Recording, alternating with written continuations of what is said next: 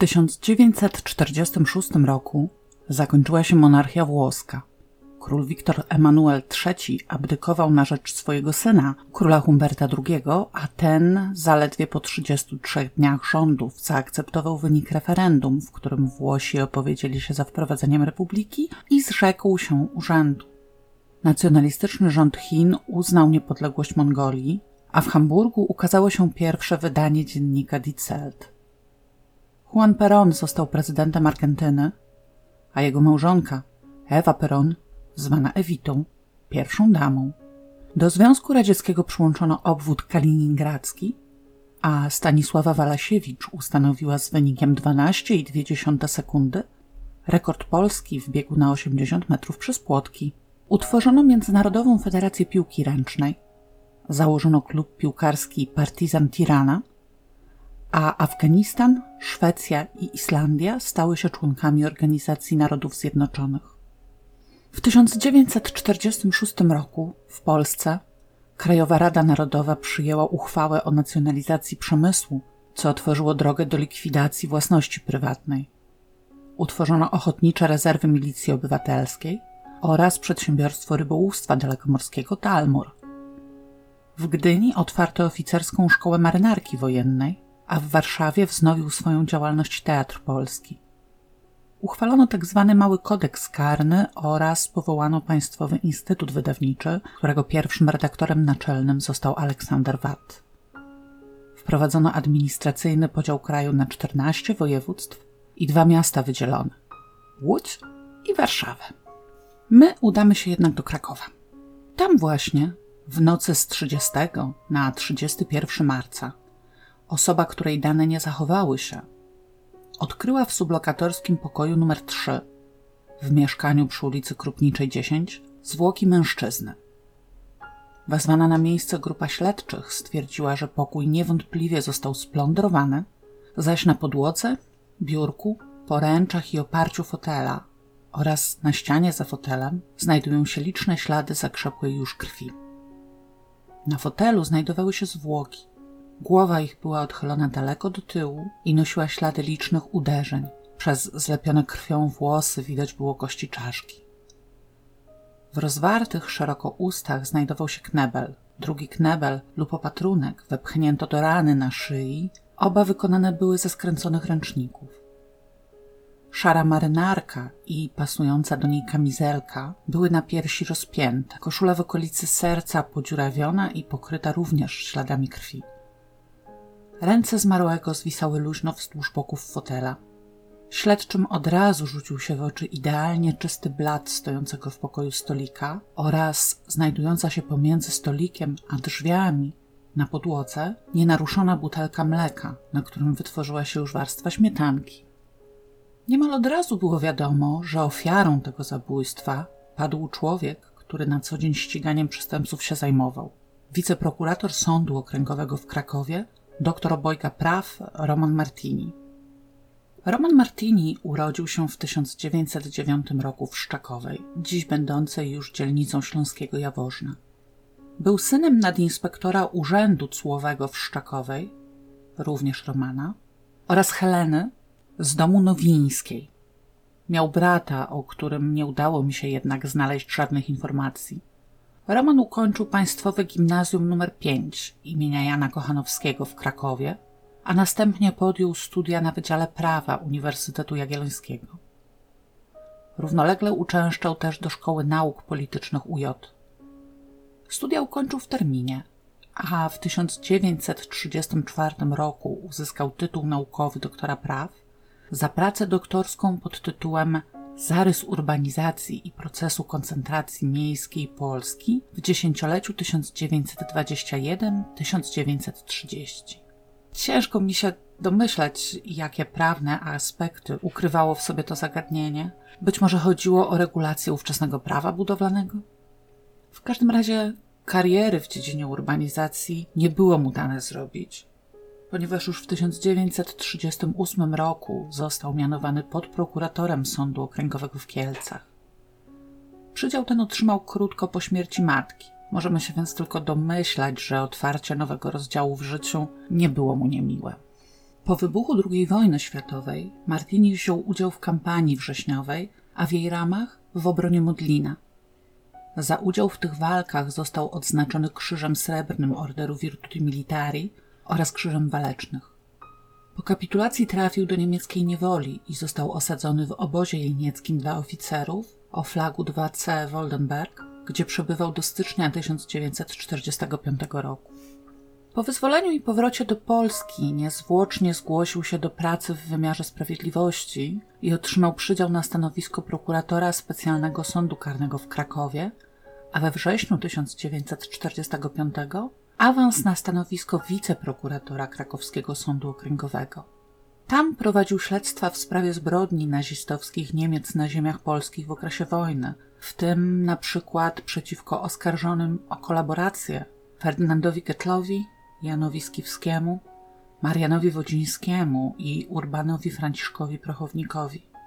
Być może część z Was rozpoznaje te nazwiska, ale jeśli nie, to musicie dać mi jeszcze chwilę, zanim wyjaśnię, jaka sprawa łączyła tych czterech panów i jaki wpływ wywarła na życie wszystkich, którzy się z nią zetknęli.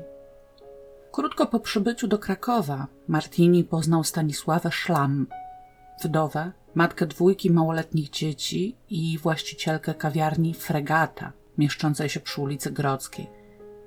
Po niecałym roku znajomości, w styczniu 1946, para pobrała się. Ślub w ich wypadku nie oznaczał jednak wspólnego zamieszkania. Martini oświadczył Stanisławie, że jako człowiek żonaty zamierza porzucić pracochłonną, odpowiedzialną i słabo płatną służbę publiczną i przenieść się z Krakowa do Katowic, gdzie będzie mógł otworzyć kancelarię prawną i w ten sposób zapewnić małżonce i pasierbom godny byt. W związku z tym nie ma sensu, aby starał się o przydział mieszkania w Krakowie i najoszczędniej będzie, jeśli zatrzyma swój sublokatorski pokój na Krupniczej. Duży, wygodny, położony na pierwszym piętrze od frontu, a Stanisława z dziećmi nadal będzie mieszkała obok swojej kawiarni, prawdopodobnie również w wynajmowanym pokoju.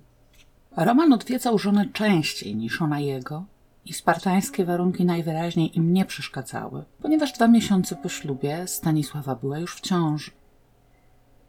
Bardzo szybko śledczy ustalili, że najprawdopodobniej istniał jeszcze jeden, dużo ważniejszy powód niechęci prokuratora do zamieszkania ze świeżo poślubioną małżonką – a raczej dużo powodów.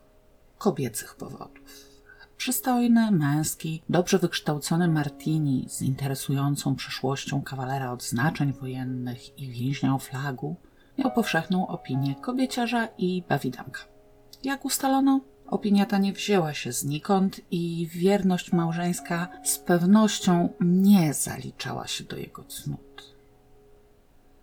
Bezpośrednio po zakończeniu czynności oględzinowych śledczy przystąpili do rozpytania współlokatorów ofiary. Mieszkanie, w którym doszło do zbrodni, było wielkim, przedwojennym, mieszczańskim lokalem, podzielonym obecnie na mniejsze części, na ogół amatorskimi metodami. Stąd też odznaczało się doskonałą akustyką. Z tego też powodu pani Maria Bilińska, właścicielka mieszkania, która zajmowała pokój sąsiadujący z pokojem prokuratora, złożyła niezwykłe, szczegółowe i bardzo ciekawe zeznanie. Zanim je jednak przeczytam, e, to lepiej przytrzymajcie mózgi. Tak na wszelki wypadek. W dniu 30 marca około 20.30 powrócił do mieszkania pan prokurator Martini Roman. Około 30 minut później ja, leżąc już w łóżku, usłyszałam, jak wypowiedział – Ach, co za miła wizyta! Przy czym odniosłam wrażenie, że wypowiedział te słowa z zażenowaniem. Odtwarzając sobie ten moment akustyczny, jestem przekonana, że prokurator siedział wówczas za biurkiem. Pukania do drzwi ani dzwonka nie słyszałam, mimo że akustyka w mieszkaniu jest tego rodzaju, iż pukanie do drzwi wejściowych byłabym z pewnością słyszała. W czasie powitania przez prokuratora słyszę dokładnie, jak się ktoś rozgaszcza oraz słyszę głos kobiecy i męski, obcy dla mojego słuchu. Prokurator, wedle mojego przypuszczenia, usiadł za biurkiem, a mężczyzna blisko prokuratora, zaś kobieta jakby gdzieś dalej od jego biurka. Przybyłe osoby rozmawiały półgłosem, gdyż tylko urywkowo zdołałam usłyszeć niektóre słowa, jednak ich nie rozumiałam, zaś prokurator rozmawiał nieco głośniej od tych osób i o ile zdołałam zapamiętać, to prokurator Martini między innymi wyraził się to się przecież jeszcze wyjaśni. Z rozmowy i zachowania się tak przybyłych osób, jak i prokuratora Martiniego, można było wnioskować, że nie były to osoby, z którymi mógł pozostawać w stosunkach zażyłych, lecz wprawdzie znane mu, ale rzadko u niego bywające. Po około 15-minutowym pobycie owych osób u niego usłyszałam silne stuknięcie, a raczej uderzenie czymś, tak że odniosłam wrażenie, że się szafa przewróciła lub ktoś bezwładnym ciężarem wpadł na szafę. Zaraz po tym stuknięciu słychać było bluzganie, jakby ktoś wymiotował w pokoju i powtarzało się to kilkukrotnie. Ponieważ zdarzały się wypadki, że przybywające do prokuratora towarzystwo, męskie i damskie, często odchodziło w stanie nietrzeźwym, a także przybywali goście do Martiniego w stanie nietrzeźwym, zatem odniosłam wrażenie, że ktoś z przybyłych do niego osób wymiotuje, a Martini stara się przy tym iść mu z pomocą. Następnie słyszałam energiczne chodzenie po pokoju i otwieranie drzwi szaf, wysuwanie szuflad. Wówczas wyszłam do pokoju matki i wyraziłam się i znowu tam ma pijaków, którzy wymiotują w pokoju. Będąc w pokoju matki, uchyliłam drzwi lekko do przedpokoju i przez szparę drzwi wiodących do pokoju doktora Martiniego od dołu widziałam cień poruszającej się tam osoby – Słyszałam energiczne kroki po pokoju, a następnie zauważyłam zgaszenie światła, przy czym słyszałam przekręcanie kontaktu. Wszystko to, o ile się orientuję, działo się między godziną 21 a 21.15. Będąc w moim pokoju, w łóżku, słyszałam, że ktoś uprzątnął jeszcze coś w pokoju i energicznym krokiem wyszedł, zamykając ze sobą drzwi na klucz. Czy kobieta będąca w towarzystwie tego mężczyzny wyszła wcześniej, czy też razem z nim, tego nie mogę określić, gdyż ja słyszałam kroki tylko jednej wychodzącej osoby i to na pewno mężczyzny. Przypominam sobie, że po tym silnym stuknięciu czy też uderzeniu usłyszałam, jakby prokurator Martini krzyknął: Jezus Maria. No dobra, ja wiem, że świeżo skończyła się wojna. Ludzie byli nieufni i nie kochali też jakoś przesadnie władzy wykonawczej. Ale tak, dobrze zrozumieliście. Nasza pani świadek wysłuchała dokładnie i skrupulatnie, jak w pokoju jej lokatora ktoś uderza w szafę lub szafa w niego, krzyczy Jezus Maria, wymiotuje, a następnie energiczne kroki i dźwięki odsuwanych szuflad i otwieranych drzwiczek wskazują na przeszukiwanie pokoju. I nie zrobiła nic. Owszem, być może po wyjściu sprawców zapukała do pokoju i to ona znalazła Martiniego. Ale gdyby zamiast tego choćby uderzyła czymś w ścianę, czy też narobiła na korytarzu hałasu, być może spłoszyłaby sprawców, albo chociaż utrudniła im ucieczkę. Jak wspomniałam, sposób ujawnienia zwłok Martiniego nie zachował się w źródłach poświęconych sprawie. Wiemy jedynie, że do ich odkrycia doszło 31 marca zaś już 1 kwietnia w asyście trzech prokuratorów Sądu Specjalnego Karnego odbyła się w Zakładzie Medycyny Sądowej Collegium Medicum Uniwersytetu Jagiellońskiego sekcja zwłok. Z jej protokołu możemy się dowiedzieć, że oględziny i sekcja zwłok doktora Romana Martiniego, mężczyzny silnej budowy i ogólnie, poza przebytym dawnym zapaleniem wyrostka robaczkowego, zdrowego, wykazały dwojakiego rodzaju zmiany urazowe jako przyczynę śmierci. Z jednej strony 12 ran tłuczono-miażdżących kości sklepienia i podstawy czaszki z rozległymi uszkodzeniami mózgowia. Z drugiej strony cztery rany kłute, a mianowicie jedną ranę kłutą szyi, uszkadzającą krtań i naczynia krwionośne oraz trzy rany kłute klatki piersiowej połączone ze zranieniem płuca lewego i znacznym krwotokiem na zewnątrz. Zarówno same obrażenia czaszki i mózgowia od narzędzia tępego, krawędziastego, jak i same rany kłute, zwłaszcza rana kłuta szyi, były w stanie sprowadzić zajście śmiertelne denata. Jeżeli teraz, mając na uwadze ten wynik oględzin i otwarcia zwłok denata, następnie wynik oględzin miejsca czynu, wreszcie biorąc pod uwagę ogólne doświadczenie sądowo-lekarskie, można przystąpić do zrekonstruowania przebiegu zadania śmierci Denatowi, przedstawiało się to w sposób następujący. Śmierć Denata nastąpiła, kiedy ten znajdował się w pozycji siedzącej, w jakiej znaleziono zwłoki, za czym przemawia rozmieszczenie plam pośmiertnych. Z uwagi na różnorodność obrażeń sprawców było co najmniej dwóch.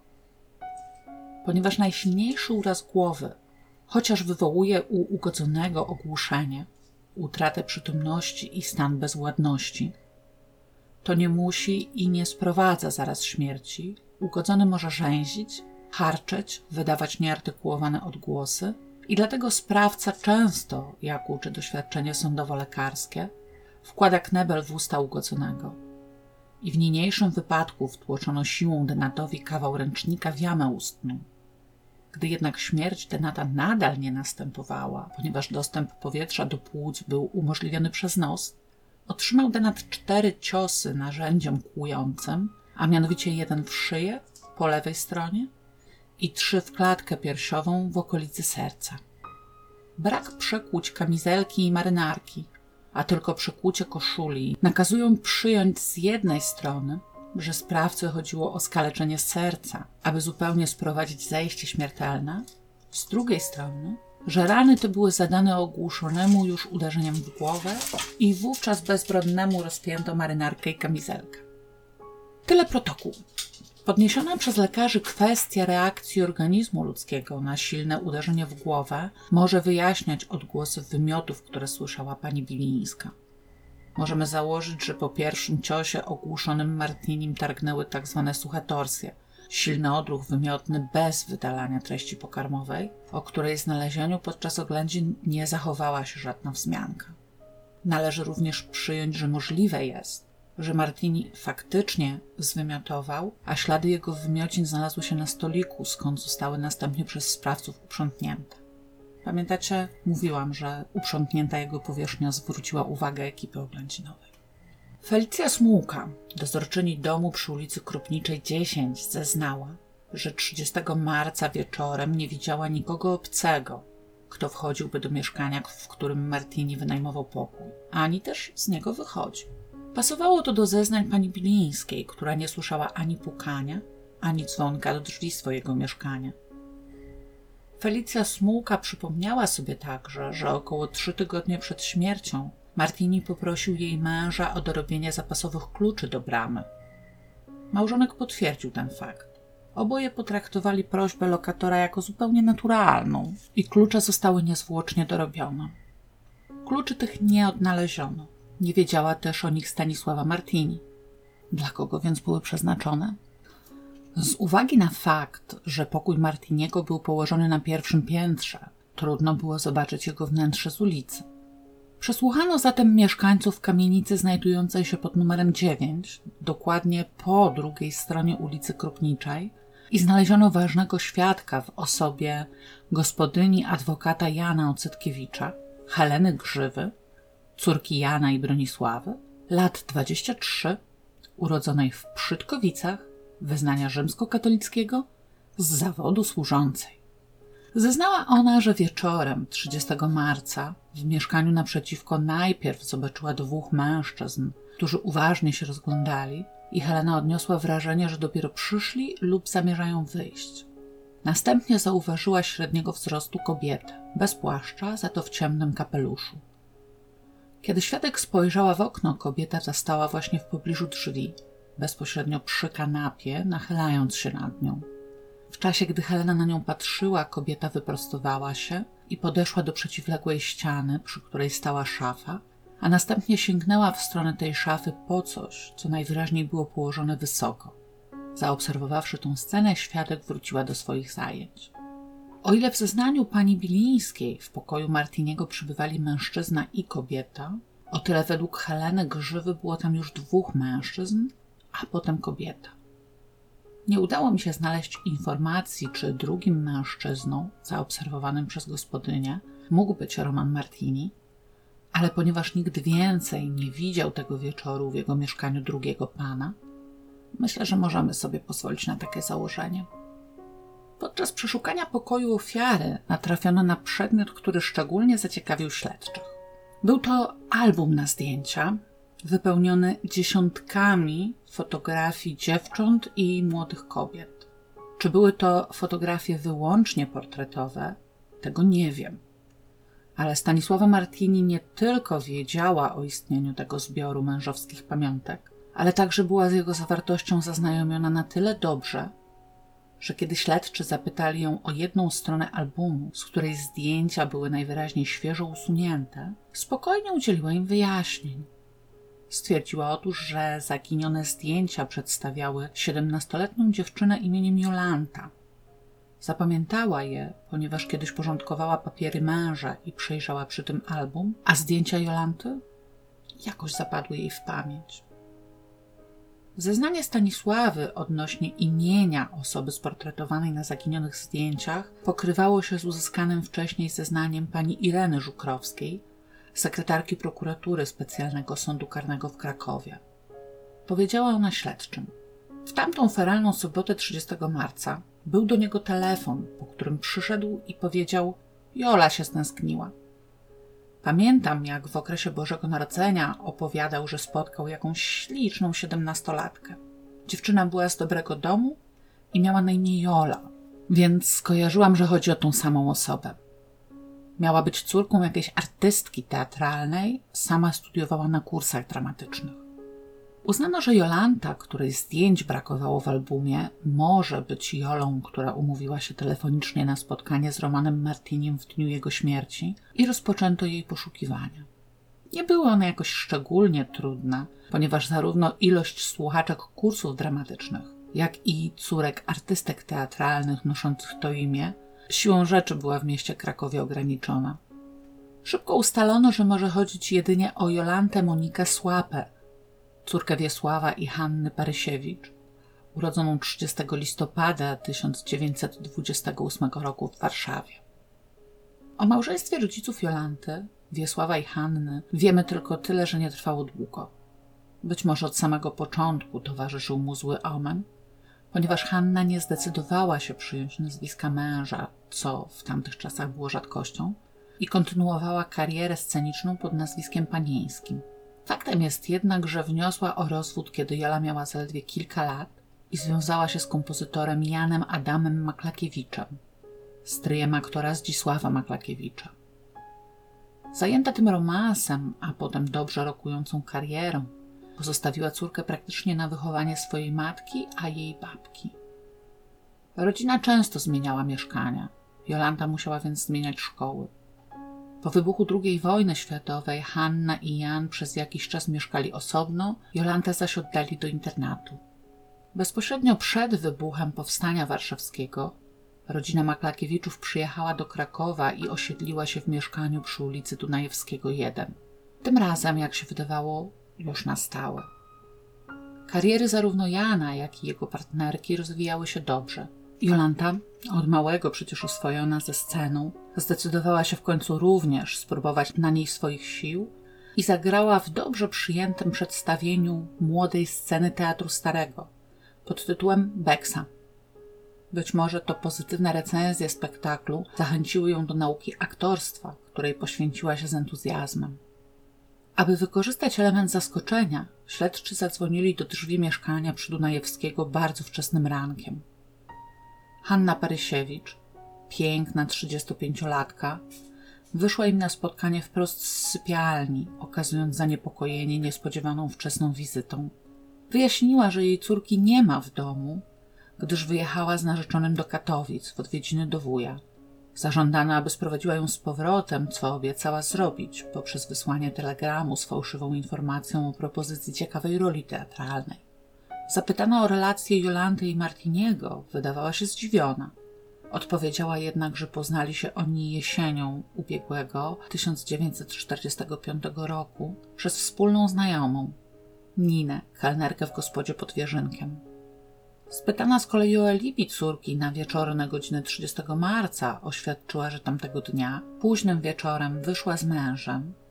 Większość źródeł twierdzi, że Jan i Hanna nie mieli ślubu, na przyjęcie do znajomych w Zwierzyńcu, ale Jola wyszła przed nimi, bo szła na urodziny do kuzyna, pana Wróblewskiego, który był jej dobrym znajomym, a ostatnio jeszcze bardziej się do siebie zbliżyli. Po zakończeniu przesłuchania Hanny Parysiewicz przesłuchano także Jana Maklakiewicza, który nic do sprawy nie wniósł, oraz matkę Hanny, a babkę Jolanty. Uczyniono to na tyle szybko, że obie panie nie zdążyły uzgodnić swoich zeznań i babcia przypomniała sobie, że 30 marca Jolanta wróciła bardzo późno i w środku nocy zrobiła pranie. Natomiast w dniu przesłuchania wcale nie pojechała do wuja w Katowicach, tylko poszła do ciotki. Śledczy natychmiast udali się do wspomnianej ciotki na ulicę Ditla.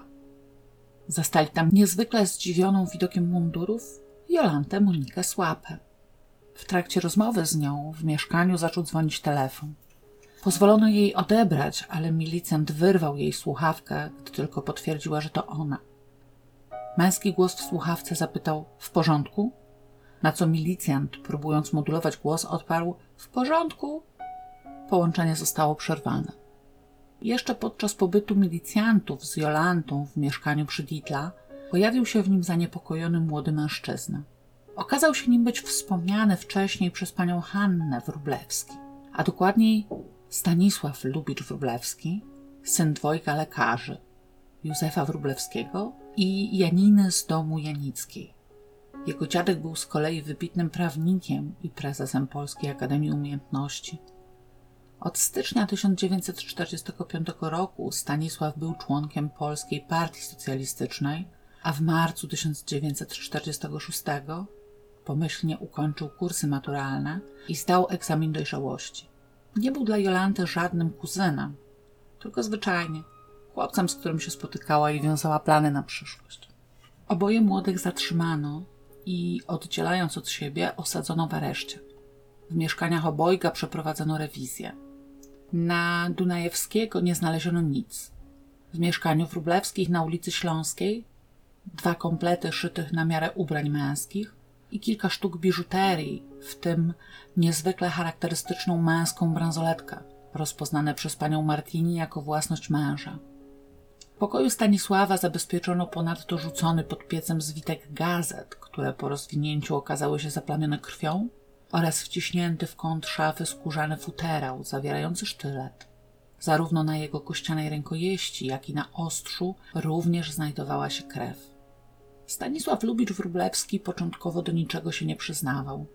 Wyjaśnił, że męskie ubrania ofiarowała mu matka, która z kolei otrzymała je po swoim zmarłym ojcu. Biżuteria była własnością rodziny. Krew na sztylecie zaś pochodziła stąd, że jeszcze w 1945 roku, pracując jako kierownik propagandy w Raciborzu, zastrzelił jelenia i to właśnie tym sztyletem go oprawiał, kalecząc się przy tym w prawą rękę. Po czym przez trzy miesiące nie wyczyścił go, ponieważ nie był mu potrzebny. Jolanta Słapa nie odnalazła się dobrze w nowej dla siebie roli podejrzanej o zabójstwo i przyznała się do udziału w nim od razu podczas pierwszego przesłuchania. Na wieść o tym, że wspólniczka się przyznała oraz skonfrontowany z zeznaniami Józefa Aksaka, krawca ze szwalni więziennej przy ulicy Senackiej, który oba zakwestionowane ubrania rozpoznał jako własnoręcznie uszyte dla Romana Martiniego na indywidualną miarę i poparł to odnośnymi zapiskami w swoich księgach. Stanisław Lubicz-Wróblewski również przyznał się do zabójstwa Romana Martiniego, zastrzegając jednak, że pomysłodawczynią zbrodni była Jolanta. On tylko realizował jej plan. Zwykle w tym momencie całe miasto wstrzymałoby oddech, czekając na ujawnienie motywu, który kierował tak wstrząsającą zbrodnią. Tym razem jednak tak się nie stało, ponieważ stugębna plotka od 31 marca zdążyła już kilkukrotnie obiec ulice miasta Krakowa i wszyscy mieszkańcy wiedzieli, co musiało stać za śmiercią prokuratora Romana Martiniego. Powszechnie uważano, że było to śledztwo, które prowadził. Pamiętacie? Mówiłam wam o tym, że Martini brał udział w postępowaniu przeciwko oskarżonym o kolaborację z Niemcami Ferdynandowi Getlowi Janowi Skiwskiemu, Marianowi Wodzińskiemu i Urbanowi Prochownikowi. Getl był dramatopisarzem, a Skiwski krytykiem literackim. Obaj należeli do elitarnego penklubu. Wodziński z kolei był doktorem anatomii patologicznej, asystentem profesora Jana Olbrychta w krakowskim Zakładzie Medycyny Sądowej zaś prochownik majstrem ślusarskim z 25-letnim stażem pracy. Tym, co ich łączyło, był udział wszystkich czterech. Dla Wodzińskiego służbowy, dla pozostałej trójki w rolach obserwatorów, w misji badającej groby polskich oficerów w Katyniu. Pozwólcie, że w skrócie przypomnę. Pierwsze wzmianki o masowych grobach polskich jeńców wojennych w lasach pod Katyniem zaczęły pojawiać się w 1941 lub 1942 roku. Donosili o nich polscy robotnicy przymusowi, którzy byli kierowani do prac w tamtych rejonach i wchodzili w kontakt z miejscową ludnością, która informowała ich o wydarzeniach, jakich świadkami była w związku z egzekucjami. Z uwagi na mnogość i rozmaitość źródeł wskazujących pierwsze oficjalne informacje o miejscach pochówków, trudno jest ustalić ich precyzyjną datę dzienną. Większość źródeł przyjmuje, że na skutek formalnego doniesienia dwóch rosyjskich chłopów na początku kwietnia 1943 roku Niemcy rozpoczęli ekshumację na wskazanych terenach.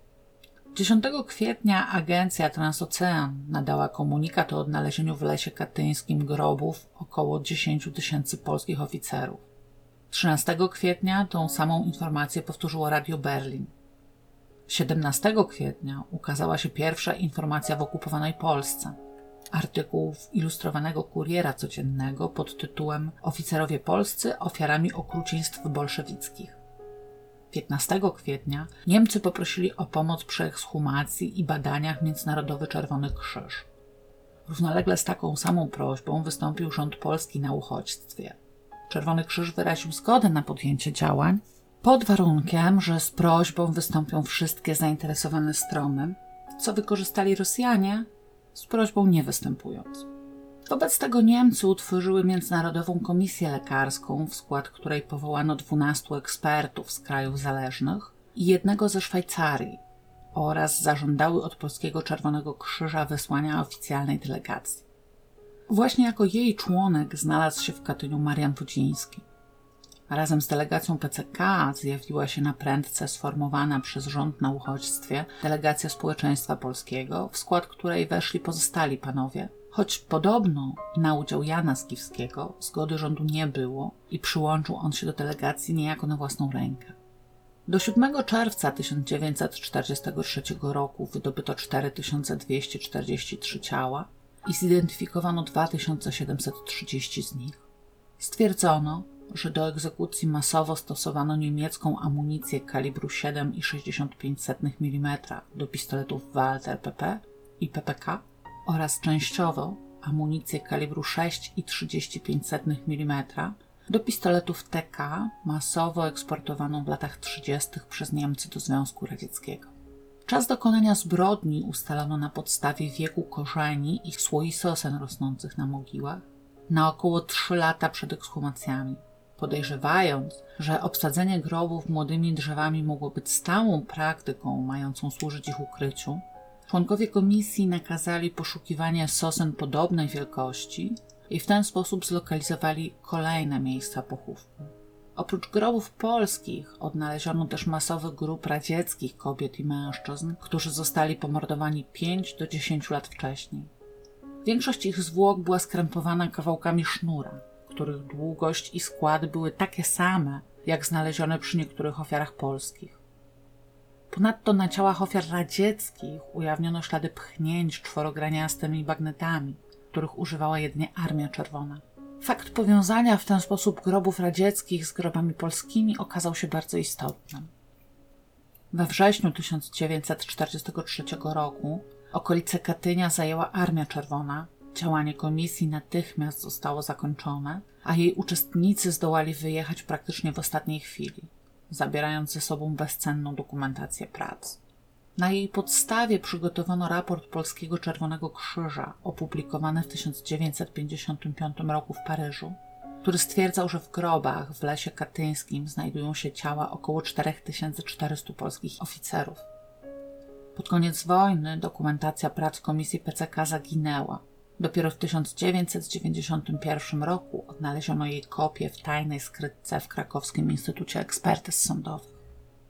Niestety, władze Związku Radzieckiego niemal od razu podjęły własne działania w związku z dokonanymi odkryciami. 15 kwietnia 1943 roku, dwa dni po pierwszej informacji Radia Berlin, Radio Moskiewskie nadało komunikat z sowieckiego biura informacyjnego, który dzień później, 16 kwietnia, opublikowała gazeta Prawda. Głosił on, że polscy jeńcy wojenni pracowali w 1941 roku na robotach budowlanych na zachód od Smoleńska i latem wpadli w ręce wojsk niemieckich, a więc odpowiedzialność za ich śmierć ponoszą wyłącznie Niemcy. Kiedy rząd polski na uchodźstwie zwrócił się o pomoc do Międzynarodowego Czerwonego Krzyża, Prawda opublikowała kolejny artykuł, tym razem pod tytułem Polscy współpracownicy Hitlera, a ambasador Polski w Związku Radzieckim, Tadeusz Romer, otrzymał notę o zerwaniu stosunków dyplomatycznych. W okresie od września 1943 do stycznia 1944 po wyparciu Niemców na terenie Katynia pracował specjalny zespół NKWD i kontrwywiadu wojskowego Smierz. Ponownie otwarto mogiły i ciała z nich przeniesiono do dwóch nowych, umieszczając przy nich sfałszowane dokumenty. Funkcjonariusze NKWD przygotowali też fałszywych świadków, a tych niewygodnych likwidowali lub skazywali na wieloletnie więzienie. Po zakończeniu tych przygotowań biuro polityczne powołało specjalną komisję do spraw ustalenia i przeprowadzenia śledztwa okoliczności rozstrzelania w lesie katyńskim jeńców wojennych przez niemiecko-faszystowskich najeźdźców, tak zwaną komisję Burdenki od nazwiska jej przewodniczącego. W jej skład weszli m.in. pisarz Aleksiej Tołstoj i dostojnik rosyjskiej cerkwi prawosławnej, egzarcha Ukrainy Mikołaj. Natomiast nie było w niej nikogo z krajów innych niż ZSRR, nawet z zależnego od Moskwy Związku Patriotów Polskich, czy równie podporządkowanej Armii Berlinga. Komisja Burdenki pracowała w Katyniu przez 11 dni. Przypomnę, niemiecka Międzynarodowa Komisja Lekarska przez 5 miesięcy. W ciągu 11 dni Sowieci przeprowadzili pewną liczbę ekshumacji, przesłuchali podstawionych przez NKWD świadków oraz odnaleźli sfałszowane dokumenty. Na tej podstawie sporządzono i podpisano końcowy komunikat stwierdzający, że polscy jeńcy wojenni mieli zostać wiosną 1940 roku umieszczeni bez prawa do korespondencji w trzech obozach jenieckich, a następnie zamordowani przez Niemców jesienią 1941 roku. Komunikat opublikowany pod koniec stycznia 1944 roku zawierał również informację, że w Katyniu pochowano około 11 tysięcy ofiar, choć niemieckie prace ekshumacyjne ustaliły tę liczbę na 4400. Po opublikowaniu raportu odbyły się uroczystości żałobne, w których udział wzięli innymi przedstawiciele pierwszego Korpusu Polskich Sił Zbrojnych na Zachodzie. Zarzut popełnienia ludobójstwa około 11 tysięcy polskich oficerów przez III Rzeszę znalazł się również w akcie oskarżenia sporządzonym przez prokuratora Romana Rutienka dla Międzynarodowego Trybunału Wojskowego w Norymberce. Jednakże podczas procesu norymberskiego wystąpiły olbrzymie nieścisłości w zeznaniach świadków oraz odkryto liczne błędy w przedstawionej jako dowód dokumentacji Komisji Burdenki i w rezultacie w wyroku Trybunału kwestia odpowiedzialności za zbrodnię katyńską została pominięta z braku dowodów. Niestety, także polskie instytucje w początkowym okresie wspierały kłamstwo katyńskie. Śledztwo dotyczące tej zbrodni na specjalne polecenie ministra sprawiedliwości Henryka Świątkowskiego rozpoczęło się wiosną 1945 roku. Śledztwo to miało z góry założony cel wykazanie winy Niemców i od początku prowadzone było przez Romana Martiniego pod nadzorem prokuratora, a później profesora Jerzego Sawickiego. Wybór Martiniego, byłego jeńca o flagu, wydawał się oczywisty. Postawienie uczestnikom delegacji PCK zarzutów kolaboracji z Niemcami i udziału w przedsięwzięciu propagandy hitlerowskiej mającej na celu dezinformację społeczeństwa polskiego co do sprawstwa zbrodni katyńskiej przez Związek Radziecki było jednym z pierwszych elementów tej sprawy. Późniejsze prace historyków udowodniły, że faktycznym prowadzącym śledztwo był Sawicki, ponieważ to on otrzymywał wytyczne bezpośrednio z kół rządowych i delegował na Martiniego poszczególne zadania. On też odpowiadał za przekazywanie wyżej raportów z prac Martiniego. Objawiało się to na przykład tym, że Martini nie miał dostępu do pełnej dokumentacji fotograficznej sporządzonej w Katyniu. Jako pierwszego aresztowano Urbana Franciszka Prochownika, majstra ślusarskiego. Aresztowano pomimo tego, że Martini dysponował jedynie gazetowymi zdjęciami polskiej delegacji, pod którymi nie wszyscy uczestnicy byli podpisani, tak więc nie miał żadnego materialnego dowodu obecności prochownika w Katyniu. Być może to z powodu problemów z prowadzeniem śledztwa według własnego planu i założeń i pochodzącej stąd frustracji, która mogła spowodować jakąś nieostrożną uwagę, powstała plotka, jakoby Roman Martini nie zamierzał prowadzić go w kierunku ustalenia winy Niemiec i skłaniał się w stronę obciążenia całą odpowiedzialnością Związku Radzieckiego. Plotkę tą wzmacniała druga. Jakoby przyjął pogląd o winie Sowietów, gdyż podczas podróży za wschodnią granicę odnalazł tajny raport NKWD z 1940 roku od nazwiska kierownika zarządu obwodu Mińsk, nazywany raportem Tatarkowa, potwierdzający likwidację polskich obozów jejnieckich w Kozielsku, Ostaszkowie i Starobielsku. Raport Tatarkowa został opublikowany przez niemiecką prasę dopiero w 1957 roku i wzbudził liczne kontrowersje, zanim na przełomie lat 80. i 90. nie udowodniono, że został sfałszowany. Stanisława Martini z całą stanowczością zaprzeczyła, jakoby w okresie ich znajomości Roman wyjeżdżał do Związku Radzieckiego lub wspominał jej o wcześniejszych wyjazdach. Tak więc już od momentu ujawnienia śmierci Martiniego dla opinii publicznej było jasne, że musiała być ona zemstą za niewygodny dla władz kierunek, w jakim prowadził śledztwo katyńskie. Osoby Jolanty Słapy i Stanisława Lubicz-Wróblewskiego jako podejrzane wzbudzały wręcz niedowierzanie. Ówczesne media zaś, przede wszystkim tanie, bulwarowe gazety, prześcigały się w tworzeniu kolejnych historii na temat ofiary i zabójców. W jednym z artykułów Echa Krakowa, dziennika Polskiej Partii Robotniczej, wprost napisano, że Jolanta, panienka z dobrego domu, tak naprawdę trudniła się nierządem i była zarażona chorobą weneryczną. Nie poprzestano na tym, wyraźnie wskazano, że nie była to jakaś tam choroba, a syfilis. Stanisław, według tego samego artykułu, miał być jej stręczycielem i pośredniczyć pomiędzy nią a Martinim w nawiązaniu relacji seksualnej. Oficjalnie motywem działania młodej pary miał być ordynarny rabunek. Stanisław niedawno zdał maturę i potrzebował środków, w tym ubrań, aby godnie wkroczyć w dorosłe życie. W tym samym artykule, z którego możemy dowiedzieć się o syfilisie Jolanty, Echo Krakowa tak opisało przebieg zabójstwa. Gdy para młodocianych zbrodniarzy weszła do mieszkania prokuratora Martiniego, została przez niego serdecznie powitana z prośbą, by usiedli. Goście zajęli miejsca przy okrągłym stoliku, gdzie wskazał im miejsce gospodarz, częstując ich papierosami. W tej sytuacji popełnienie zbrodni było niemożliwe. By zmienić sytuację, Jolanta poprosiła prokuratora o napisanie paru słów do matki z usprawiedliwieniem dla niej, że przyjdzie później do domu. Świętej pamięci Martini podszedł wobec tego do biurka i usiadł w fotelu, by to usprawiedliwienie napisać. Jola usiadła obok biurka z prawej jego strony.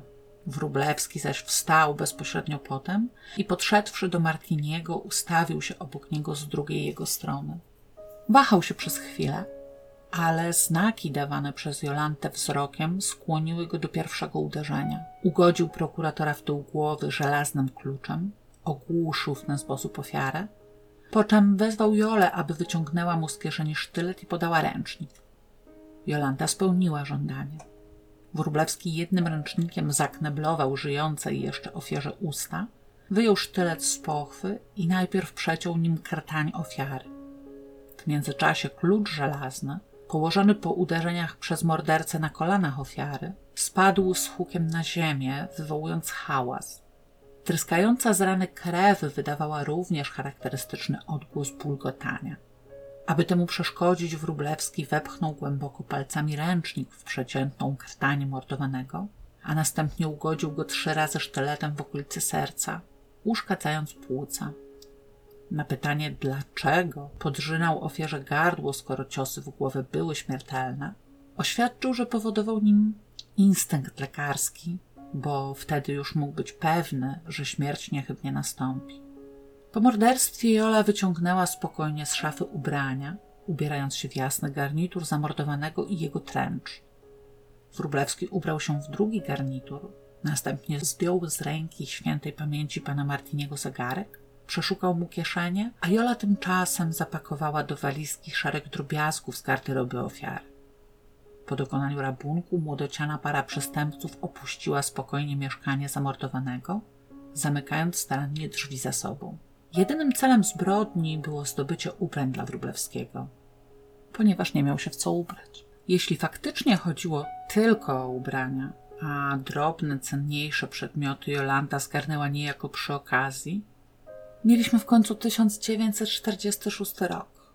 Polska odbudowywała się po wojnie. Mało kogo było stać na szycie sobie ubrań na zamówienie. Dziś takie tłumaczenie brzmi absurdalnie. Wówczas Młody mężczyzna, który dopiero co ukończył z sukcesem edukację, był z tego dumny i chciał się odpowiednio pokazać, miał znacznie mniej możliwości. Jestem jak najdalsza od usprawiedliwiania zabójstwa dla zdobycia ubrania. Chcę tylko powiedzieć, że potrafię je zrozumieć i mój mózg wcale nie zamierza z powodu tego motywu nigdzie się oddalać. Po aresztowaniu Stanisław Lubicz-Wróblewski został osadzony w cesarskim więzieniu świętego Michała przy ulicy Poselskiej 3.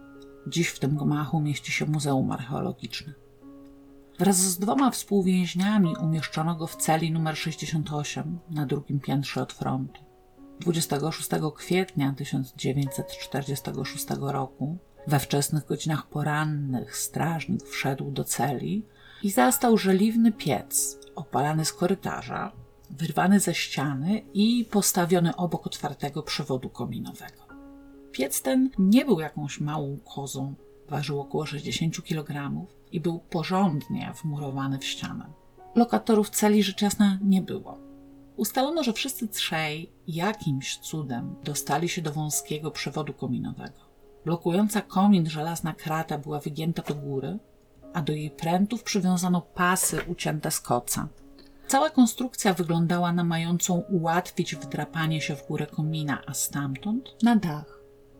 Z dachu uciekinierzy przedostali się na dach kaplicy więziennej, gdzie przywiązali kolejne pasy z koca do krzyża i za ich pomocą opuścili się na ulicę Poselską, skąd przez nikogo nie niepokojeni, choć zapewne usmoleni pozostałościami przeciskania się przez przewód kominowy, udali się niemal przez środek miasta do swoich spraw.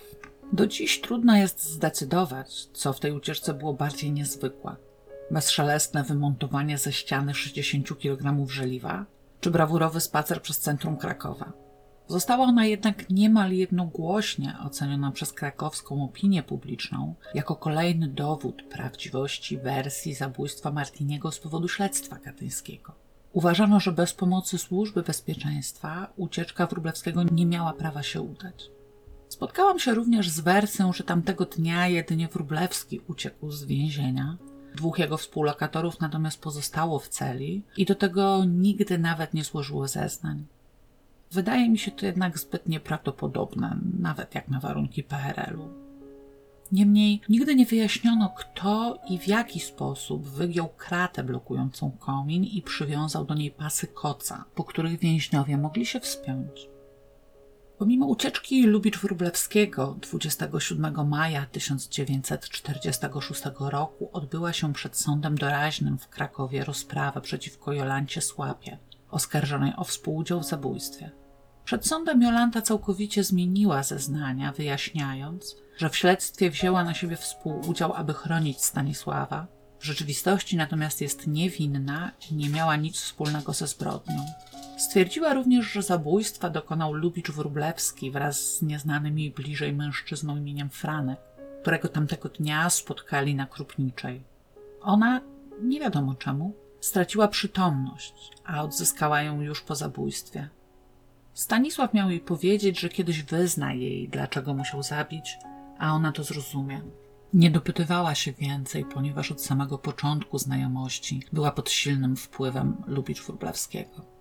Z zachowanych relacji z procesu możemy, myślę, śmiało wyciągnąć wniosek, że rola, jaką Jolanta odegrała, składając zeznania, zasługiwała najwyżej na złotą malinę. Pomimo kiepskiego scenariusza i mało przekonującego wykonania tej roli, oskarżona miała jednak jeszcze asa ukrytego w rękawie. As ów nazywał się Mieczysław Ettinger. Był adwokatem i od czasu brawurowej obrony Rity Gorgonowej także jedną z najjaśniejszych gwiazd krakowskiej palestry.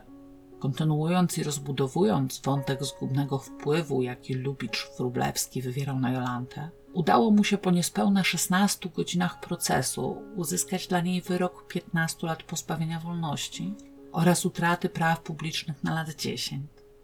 W praktyce oznaczało to, że nawet jeśli Jolanta odbędzie całą karę, wyjdzie na wolność już w wieku 32 lat, czyli mając jeszcze całe życie przed sobą.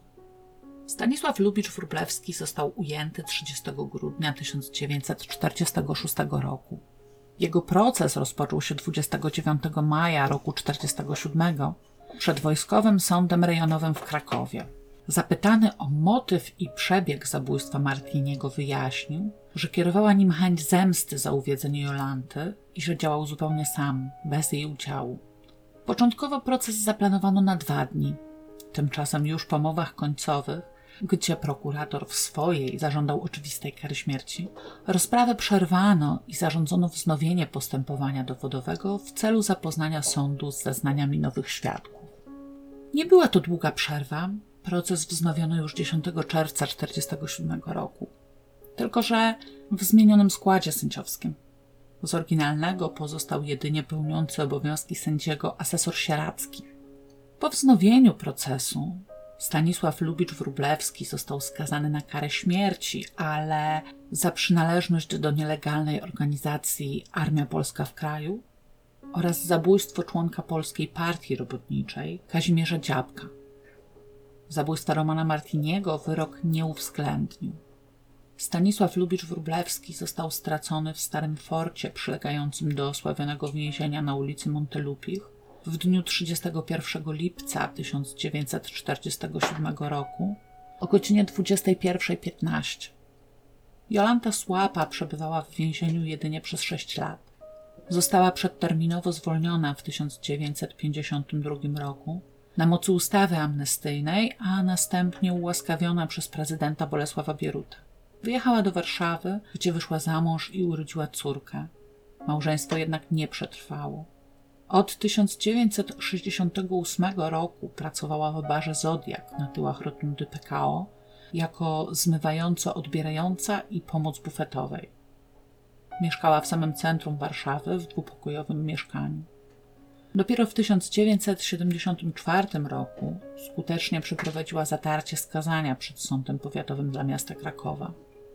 Zbierając materiały do swojej książki o zabójstwie Romana Martiniego, Józef Bratko odnalazł ją i odbył z nią rozmowę w 1995 roku. Na pytanie o motyw zabójstwa miała mu wówczas powiedzieć krótko: To ja narozrabiałam. Źródła interpretują to stwierdzenie jednoznacznie, jako przyznanie się, że to ona była inspiratorką zabójstwa, wygrywając jednego zainteresowanego nią mężczyznę przeciwko drugiemu. Ale dlaczego? Podczas procesu Jolanty jeden ze znajomych Martiniego zeznał, jakoby prokurator był nią żywo zainteresowany fizycznie, natomiast zupełnie nie odpowiadała mu pod względem intelektualnym i niechęć ta pogłębiła się jeszcze po wspólnym wyjeździe. Czyżby niechęć tą Roman Martini faktycznie okazał Jolancie, a ona postanowiła udowodnić prawdziwość znanego powiedzenia o gniewie wzgardzonej kobiety? Niestety, książka Bratki Dlaczego zginąłeś, prokuratorze? doczekała się tylko jednego niedużego wydania w 1988 roku i obecnie nie udało mi się wpaść na ślad nawet jednego jej egzemplarza. A bez tej książki nie da się rozwinąć wersji zorganizowania zabójstwa przez Jolantę, ponieważ z nikim oprócz jej autora po swoim skazaniu o sprawie Martiniego nie rozmawiała. Ten sam świadek, który złożył zeznanie na temat przypuszczalnego motywu Jolanty, okazał się także być źródłem wiedzy o jej chorobie wenerycznej. Roman Martini miał mu się zwierzyć, że został zarażony i podejrzewa, że właśnie przez Jolantę.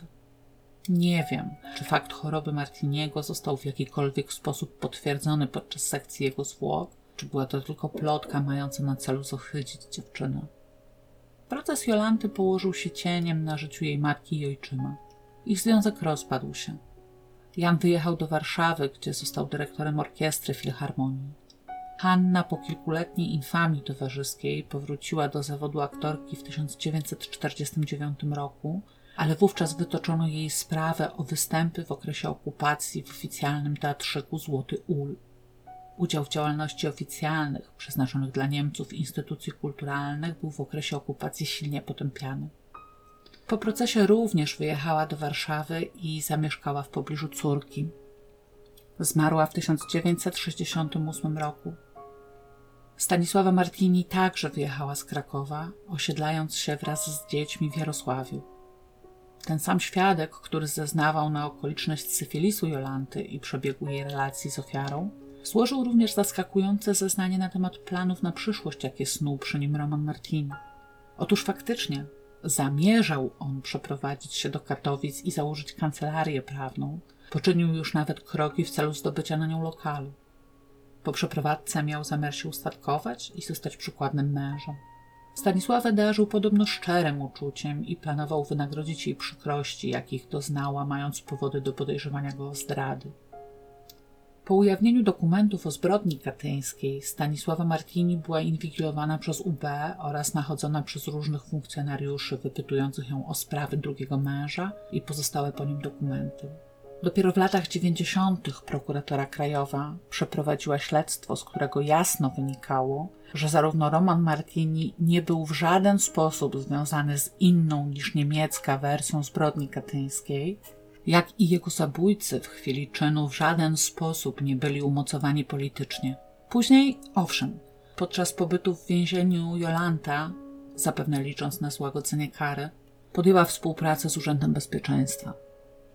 Po śmierci Romana Stanisława Martini urodziła zdrową córeczkę, której nadała imię Małgorzata.